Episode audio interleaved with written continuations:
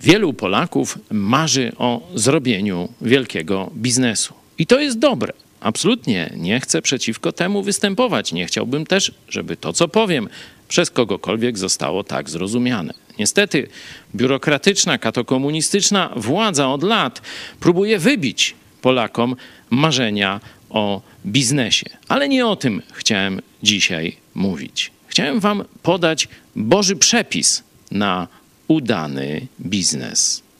Oto on. List Jakuba, czwarty rozdział.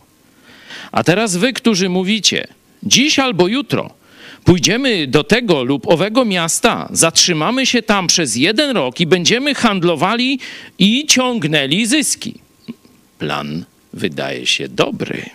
Wy, którzy nie wiecie, co jutro będzie, bo czymże jest życie wasze?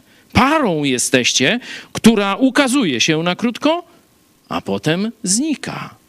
Zamiast tego, o, to tu będzie ten przepis. Zamiast tego winniście mówić: Jeżeli Pan zechce, będziemy żyli i zrobimy to lub owo.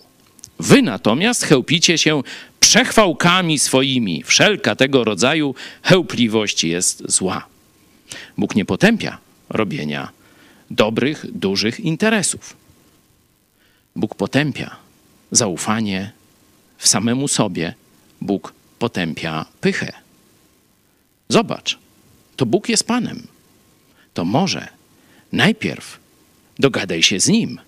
Zobacz, czy jesteś z Nim we właściwej relacji, a potem, będąc z Nim we właściwej relacji, powiedz: Jeśli Pan zechce, dokonam wielkich rzeczy, czy to w sferze biznesu, czy w dowolnej innej, jeśli Pan zechce.